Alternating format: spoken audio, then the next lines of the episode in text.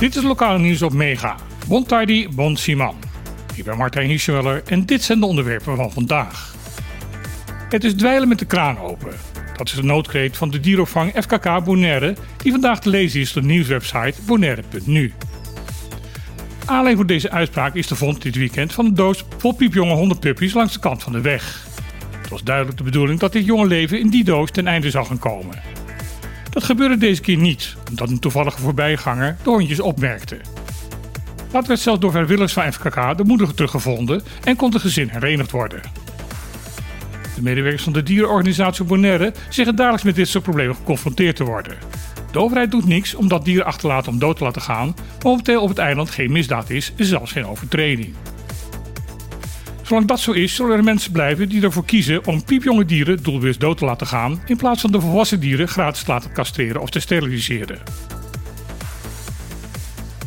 De wens van de Eilandsraad om extra geld te willen uitgeven in 2023 en 2024 is door het College Financieel Toezicht voorzien van een negatief advies.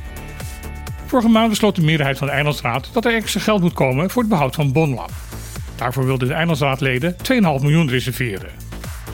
Daarnaast wil de Raad een extra miljoen vrijmaken voor sport, cultuur, maatschappelijke leefbaarheid en landbouw en visserij.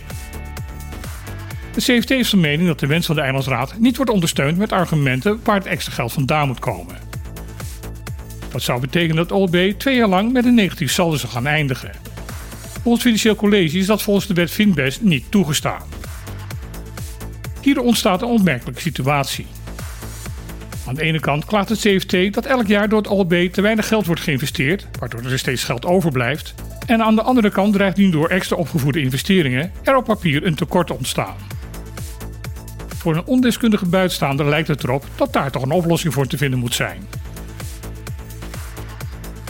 Er gaan strengere regels komen tegen het ronselen van stemmen bij verkiezingen. Het lijkt erop dat aanwijzing dat in Caribisch Nederland bij de vorige Tweede Kamerverkiezing een abnormaal hoog aantal volmachtstemmen is ingeleverd, mede de oorzaak is van het aanscherpen van de wetgeving. Bij de Tweede Kamerverkiezing in Statia bleek bijna 37% van de stemmen via volmacht te zijn ingeleverd. In Europees Nederland ligt dat percentage rond de 10%. Minister De Jonge van Binnenlandse Zaken en Koninkrijksrelaties kondigde eind vorige week aan dat er een voorstel van wetswijziging komt waarbij de straf van ronselen van stemmen wordt verhoogd van 1 maand gevangenisstraf naar 6 maanden. Daarnaast worden de regels aangescherpt wat er onder ronselen verstaan wordt. Deze nieuwe regels zullen nog niet van toepassing zijn bij de komende verkiezingen van volgende week. Het voorstel moet nog eerst door de Raad van State en daarna goedgekeurd worden in de Tweede en Eerste Kamer. Op 1 januari 2024 wordt in een totale stilte nieuwe rijkswetgeving van kracht. Het wetsvoorstel hiervoor was al in het jaar 2000 ingediend en al in 2016 door de twee Kamers goedgekeurd, maar nooit in werking gezet. Tot nu toe kon de Rijksministerraad bij meerderheid stemmen over voorstellen voor rijkswetgeving. Omdat de Rijksministerraad bestaat uit één gevolmachtigde minister per Caribisch land, tegenover de voltallige Nederlandse ministerraad, werden alleen rijkswetten aangenomen die de goedkeuring hadden van het voormalige moederland. Dit gaat nu met ingang van 2024 veranderen.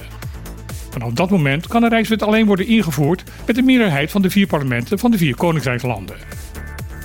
Slechts in een heel beperkt aantal noodgevallen mag daarvan worden afgeweken en dan alleen nog maar met een geldsduur van twee jaar.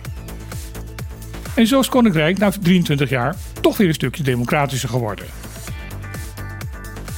Dit was het lokale nieuws van vandaag. Ik wens iedereen een mooie en koninklijke dag toe. En dan heel graag weer.